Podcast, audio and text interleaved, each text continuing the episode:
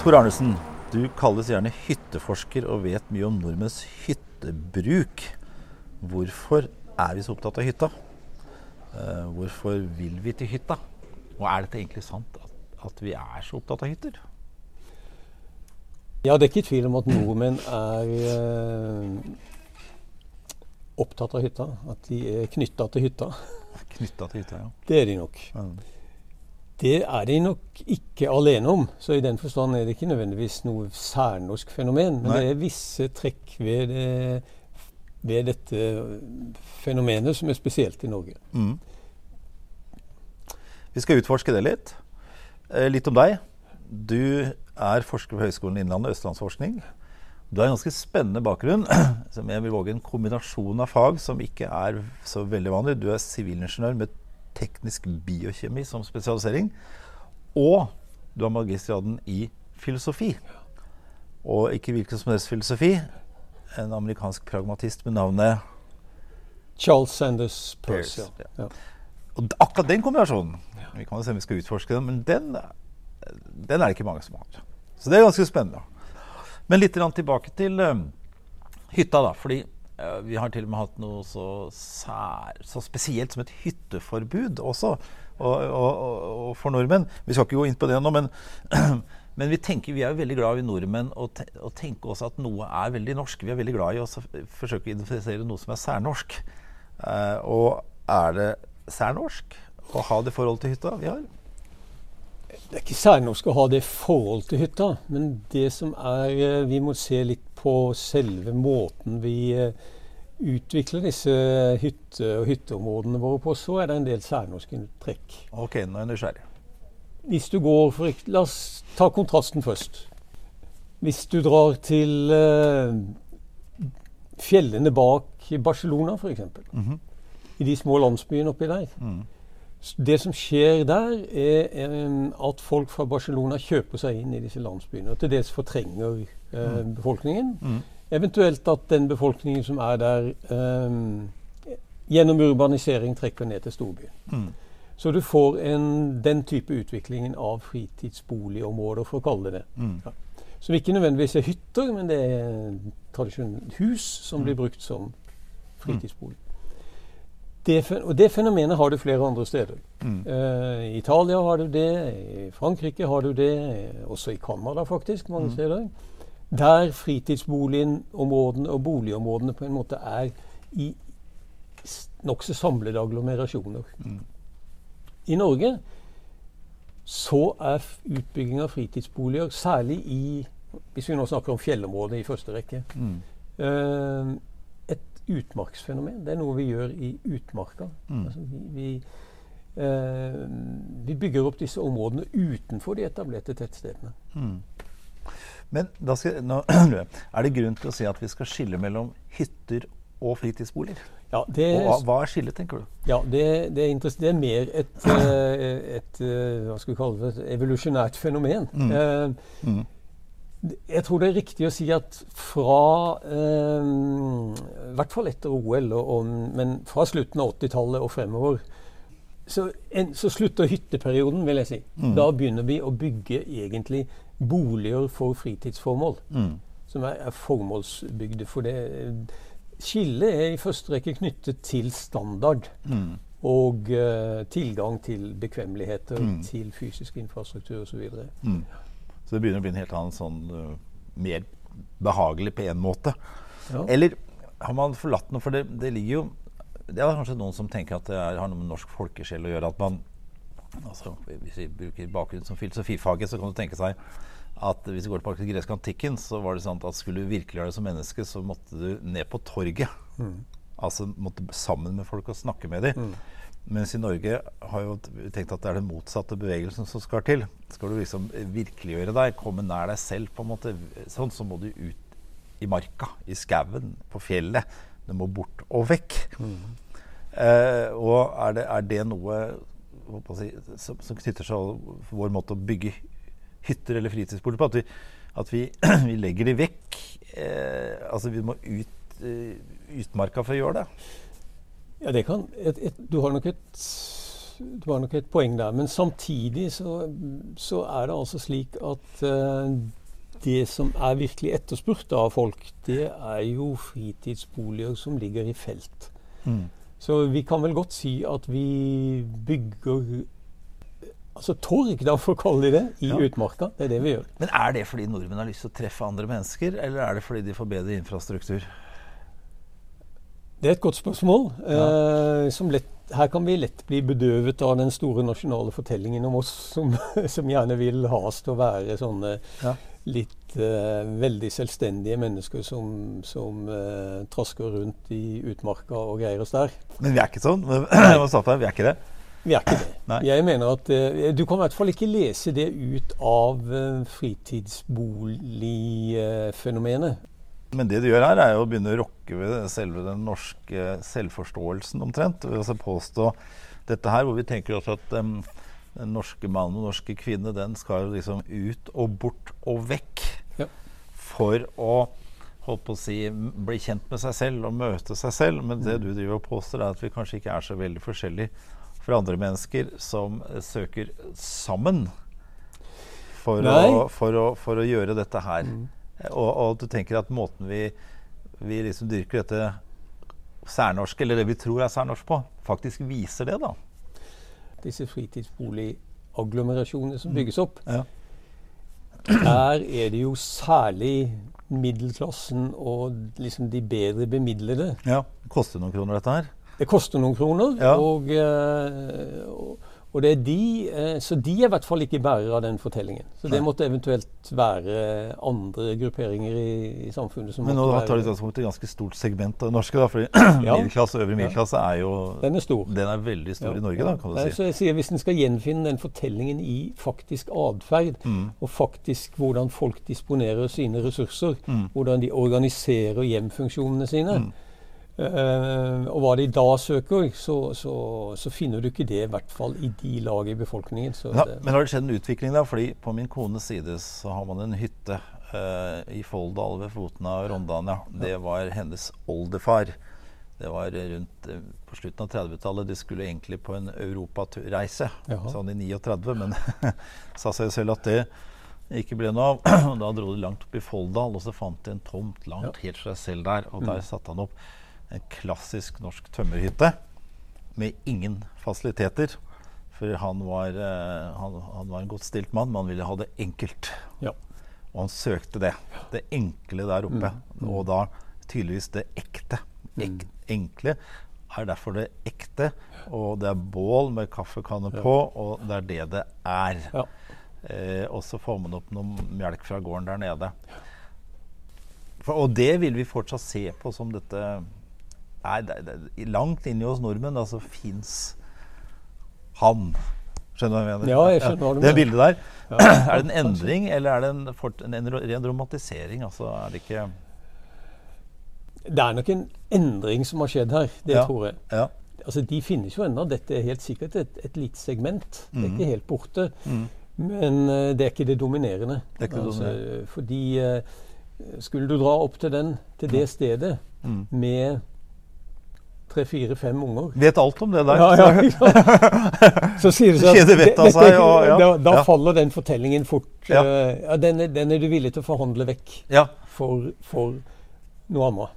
Men det interessante er om vi kan med utgangspunkt i et spesifikt område som, som har med hytter å gjøre, kan mm. liksom lukte en generell type utvikling. Det er jo sånn vitenskapelig spennende. ikke sant? Av et samfunn. Vi tar utgangspunkt i og, og, Fordelen selvfølgelig med hytter er at det er, stort nok antall, slik at det er si, vitenskapelig plausibelt. da, ikke ja. sant? At vi kan gjøre det på en måte. Ja. Og hva slags type endring eventuelt da, mm. er det vi kan spore her?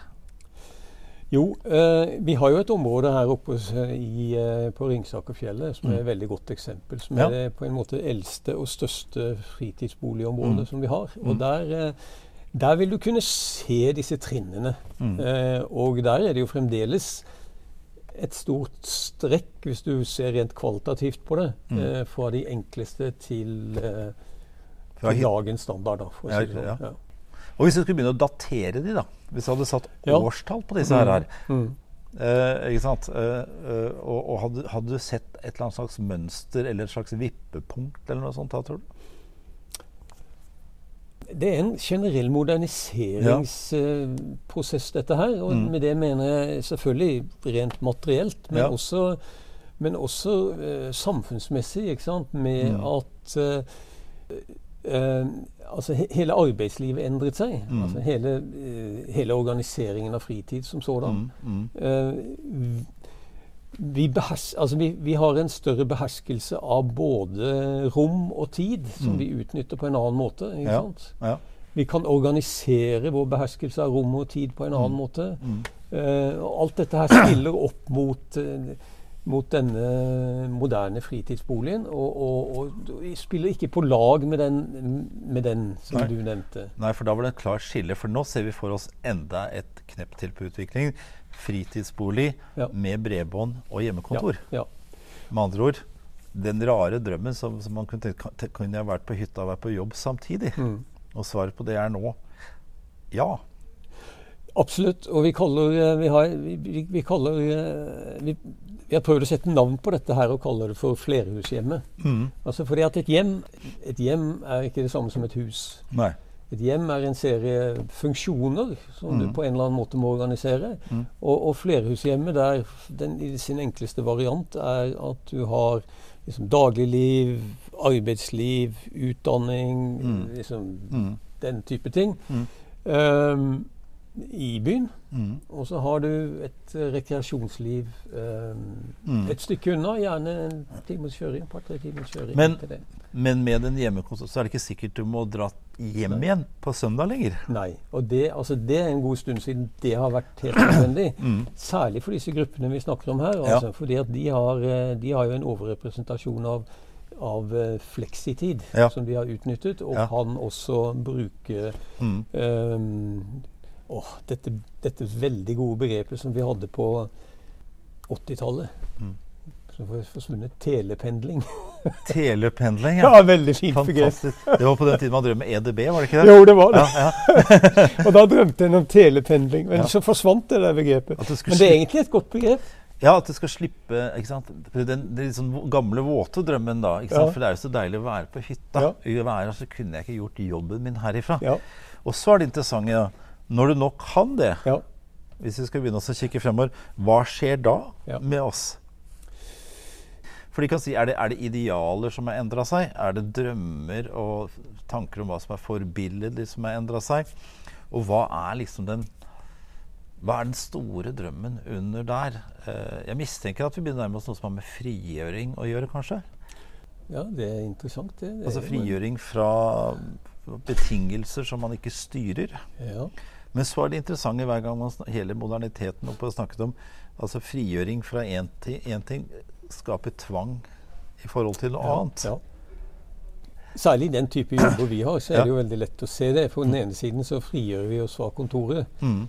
Men på den andre siden så har vi jobben der hele tida. Det er en annen ting. Så Så det er jo den nye den der. tvangen. Ja, det er en Ja. ny tvang. Ja, ikke sant? Så du, er aldri, så du er aldri helt fri fra det. Nei. Og dette er jo eksemplifisert helt ned til den mobiltelefonen Ja. du ser på mens du spiser middag. Ja, Ikke sant? Altså. Så, så den er der. Altså Nå sier vi at det er gått fra å være hytte til å bli fritidseneboliger. Sier du til og med ikke bare fritidsboliger, men fritidseneboliger. Ja. Eh, og da er det interessante, da, hvis vi skal drive med noe som alltid er vanskelig i vitenskap, men som vitenskapen ønsker å drive med, nemlig å se krystallkulen og se fremover. Mm. Hva er det neste? Ja, her må vi vel kanskje også eh, faktorere inn eh, erfaringen av pandemien. Ja, ja, ja, ja ok. Fordi at den har vel bare pusha på vår Måten vi nå eh, anammer denne muligheten på. Mm, Altså mm. måten vi faktisk tar den i bruk. Mm, mm. Eh, både, både som arbeidsgiver og arbeidstaker. Altså Mm. begge, begge parter tar jo dette nå i Ja, bruk på ja. en annen måte. Om det blir varig eller ikke, det er jo vanskelig å si. Men, men, eh, men én ting er sikkert. Du snakket om hytteforbudet. Det eh, var en engangsaffære. Det er jeg temmelig sikker på. Du er temmelig sikker på det? det er jeg temmelig sikker på. Ja, hva, ja, men ok. Hva, hvorfor, og hva gjorde det med oss? Ja, Først og fremst så synliggjorde den noe. Ja, hva da? Ja, Den synliggjorde for det første at vi har disse boligressursene Mm, i utmarka mm, som faktisk kan avlaste byen, Mm. som er belasta. mm, For hvis du bare ser på smittesituasjonen, så er det klart det ville vært en kjempefordel å fått ut 20-25% av Oslos befolkning Ja, ja. ut i utmarka. Ja. Der de kunne leve i Selvfølgelig. Ja, ikke sant? Så den eneste grunnen til at vi ikke fikk til det, det var at resten av den skal vi kalle den sivile infrastrukturen i, i distriktene, i, i hinterland for de store byene, den har ikke fulgt etter. Vi har ikke tenkt igjennom hvordan vi skal organisere dette. Så det tror jeg, det tror jeg kommer. Altså Hvordan vi skal organisere forholdet mellom de som bor i byene og drar ut på fritidsboligen sin, med de som bor ikke så langt unna disse fritidsbolene. Ja. Og Dette er jo en interessant ting hvis vi går for til Lillehammer, hvor du holder til. Ja. Nede i Lillehammer så kan du få et hus for ikke så veldig Ja. dyrt innimellom. Men du skal ikke så langt opp mot Hafjell før de prisene stiger noe helt vanvittig. Nei, nei. Og begynner å bli skrekkelig dyrt. Mm. Noen kilometer, ikke sant? Og hva ser du for deg som, som utfordringen der? Jeg tror vi kan si at vi har, ut, vi har nå utviklet en ny boligstruktur. Mm. La oss kalle det for den grønne boligstrukturen, eller, eller brune, eller kall det hva du vil. Jeg kaller den for grønn. Det er fritidsbolig. Ja, ja. Og så har du den tradisjonelle rød, Mm. som er i, i, nede i dalbunnene stort sett, Ja. og er de gamle tettstedene ja. og byene. Og byene. Hvis du går til uh, en kommune som Lillehammer eller Øyer eller, eller Ringebu, eller, eh, som, har store, som har en stor grønn boligstruktur, Mm. så er forholdet mellom denne grønne boligstrukturen og denne røde boligstrukturen nede i, i dalen, det er uavklart. Hele sam, den samfunnsmessige forståelsen er ikke utviklet for den grønne. Nei. Altså, du kan f.eks. du kan lese eh, NOU-er om, eh, om bærekraftige byer eller og tettsteder. Mm. Og det står ikke et pip om de store tettstedene og den grønne boligstrukturen som ligger Litt lenger opp i lia? Nei, Det er Ja. ikke formulert noe mål. Mm. Vi har rett og slett ikke formulert noe mål for det. Mm. Men det bor mange mennesker der oppe. Det- Ja, ikke sant? Det er det de gjør. Men de som bor der oppe, de bor også et annet sted. Ja, ja, ja men, det, men dette er jo bare uttrykk for et hypermobilt samfunn. Og det Ja. er jo ingenting som tyder på at det kommer til å stoppe opp. Nei, det kommer til å kanskje forsterke det. Altså, Ja. Det er et lokomotiv som, på måte, Ja, det tror jeg også. som er i gang, og vanskelig å stoppe uansett. Ja. Men det du sier, det, artig, det språkmessige, eller virkelighetsoppfatningen, altså det forholdet mellom de der oppe og de der Mm. litt lenger ned eh, Ja, hva er forholdet mellom de egentlig? ja, det er et godt spørsmål. Ja. Det tror jeg, eh, Her må det gjøres en del både antropologiske studier og andre Mm. ting, for det er gjort lite av. Ja. Det mye av den eh, forskningen som er gjort, det er knytta til til den areelle forståelsen av det, den, eh, eh, og mer sånne Mm.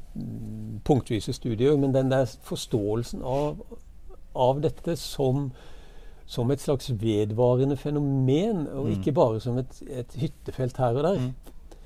F.eks. For forholdet mellom heltidsboende og deltidsboende. Altså Mm. der. Eh, men du kan, også gå, du kan også gå på måten vi, hel, vi rapporterer demografien på her til lands, Mm, Okay. gjennom SSB osv. Ja. Altså de, da rapporterer de hva som skjer i den røde boligstrukturen. Ja. Det er Så- det som er urbaniseringen. Den går fra Altså du flytter folk og funksjoner inn mot de store byene. Ja. Og så flytter de ut til storbyene samtidig tilbake omtrent til samme stedet, bare litt lenger opp i lia. Ja, Det tyter ut som, Tyter ut som Så det det- foregår en sånn deurbanisering parallelt, På da. den måten tror jeg vi kan si de gjør det i Norge. Ja, ja. Det, er ikke, det er jo ikke planlagt. Altså, det er jo et veldig godt eksempel på det broxianske forståelsen av samfunnsplanlegging. At, at det er umulig. Det skjer. Ja, Så kommer vi på et, et tidspunkt, og så ser vi Shit, hva er det vi har her? Ja. Og Så må vi begynne å sette navn på det, og Ja. begynne å, få, å fakturere dette inn i hele vår Det interessante er jo da hvor mye infrastruktur man bygger da, i disse grønne stedene. Ja. Vil man til slutt bygge det så det er helt kompatibelt med byen? Tenker du at du får altså, Nei, det, det, Den grønne boligstrukturen vil, tror jeg, primært Ja, jeg vet ikke. Det kan Men- godt men være kan- dette endrer seg, men det kan- vil primært være for, eh, for rekreative formål. Men ja. Men den vil også da kanskje slåss for å skille, ikke bli som den røde. At den må opprettholde et eller annet så den ikke blir Ja, som vi, den andre. vi vil tenke det nå, men så, men så må vi fakturere inn en, Ja. en annen ting. Ja. Og den er, da snakker vi virkelig spekulativt. OK. Vi Men nå kan vi nå gjøre det. Ja, vi tar ingen, ingen hemninger. Klima. klima. Ja. Hva skjer i det store demografiske? Hva skjer med folkeforflytninger? Mm. Og hvor blir det levelig, og hvor blir det ikke levelig? Ja, ikke? Ja, Hvis du går frem til tre, en tre grader varmere Ja. verden, og gud forby om det skulle bli enda mer, Ja. så blir Skandinavia det stedet hvor det virkelig blir attraktivt. å det blir veldig behagelig klima her, da. på sett vis. Men da er det jo også i forhold til Men da sitter vi jo på en dobbel boligmasse. Ja, det er, ikke sant? Ja, så tror jeg da, Masse plass. Masse plass og masse ekstra boliger. For hvis du har to boliger per familie, ja, eller kanskje tre ja. tilgjengelig, så, så, så, så, ligger hun der. der. Men, men, men, det vil jo ikke være et skritt frem for å måtte, måtte oppgi fritidseneboligen sin. Nei, men det, det, nå snakker vi om en annen verden. Ja. Altså, men satt helt på spissen, og kanskje, kanskje, avslutte med det på et eller annet punkt der fremme Hvis uh, den norske familien, den norske mann og norske kvinne ble tvunget til slutt da, å velge mellom den røde og den grønne boligen til slutt mm. ja, hva, hva, hva, velger de da til slutt? Hva er Det, og hvilke verdier er det som styrer de valgene der? Er det trygghet? Ja, den, og den klassiske veien går jo mellom mm. trygghet og frihet. Ja? Og da, eh, da kan, Vi kan jo lære litt av USA, mm. f.eks., hvor, eh, hvor, du har et eh, veldig påfallende fenomen mange steder som kalles for amenity migration. Mm. Hvordan skal vi oversette det? da? Amenity, altså herligheter eller, eller uh, liksom, goder. Mm. og det er byer i USA som, hvor folk flytter fra pga. usikkerhet knytta ja. til eh, både sosialt, men også tilgang til vann, tilgang til disse tingene, mm. som flytter da ut av mm. byen og mm. inn i områder som vi ville kalle for uh, nettopp uh, Som minner litt om fritids... Det ligger ikke på fjellet nødvendigvis, men ja. det er litt av det samme. Det litt, men ganske altså, trygge og inngjerda. Ja, altså, poenget mitt er at du kan, du kan tenkes at denne her amenity migration også blir et viktig poeng i Norge. Det er jo ikke det i dag. Nei. For det første har vi ikke den usikkerheten i disse mm. byene. Men det er jo typisk i byene det liksom kan bli så farlig. Mange mer ja, farlige ting. Ja. Så, så, men med en gang du f.eks. bygger en skole ja. oppi den grønne massen, ja. da har man krysset en og for ikke å si en barnehage. Og en barnehage. Eh, ja, det, barnehage kommer kanskje, en barnehage vil jeg tro kommer før, for da kan jo mor og far på gå på ski alene. Og hva med en frisør? Og hva med en frisør? Eller en tannlege som du ikke får tak i så lett i byen. Ja, Eller et bilverksted, for der slipper du å vente så lenge. Ja, Tenk om køene blir korte til alle de tjenestene her, så begynner det å bli attraktivt. Eh, Tor Arnesen, vi har eh, løpt en liten strekning her nå og analysert hele det norske samfunnets utvikling med bakgrunn fra hytta til fritidsenebolig. Tusen takk for en hyggelig samtale. Ja, selv takk. Denne podkasten er produsert av Høgskolen i Innlandet ved Erlend Moe. Du hørte professor i filosofi Einar Øverenge i samtale med Tor Arnesen, forsker ved Østlandsforskning.